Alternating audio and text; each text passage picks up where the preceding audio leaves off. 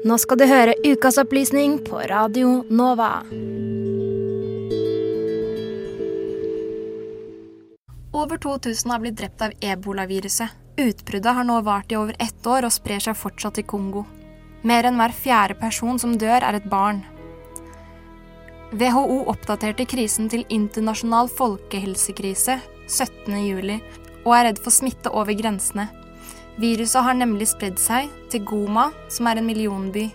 Her ble grensen til Kongo stengt pga. spredning.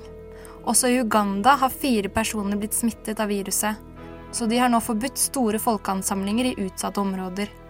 Grensekontroll til naboland Djibouti og Sør-Sudan jobber også for å forhindre at viruset sprer seg videre. Norges utenriksdepartement har bidratt med 95 millioner siden utbruddet startet i august i fjor. Og nå gir Norge nye 50 millioner for å forhindre spredning. Sykdommen smitter via kroppsvæske, og de døde kan også smitte.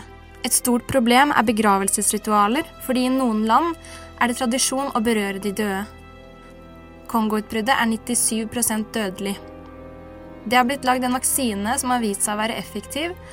Over 211 000 har blitt vaksinert, men denne vaksinen er fortsatt ikke lisensiert.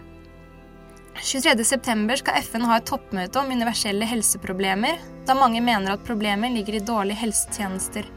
Kongos helseminister måtte gå av etter å ha blitt mistenkt for korrupsjon, da bare 15% av pengene Kongo ble lovet, har blitt utbetalt.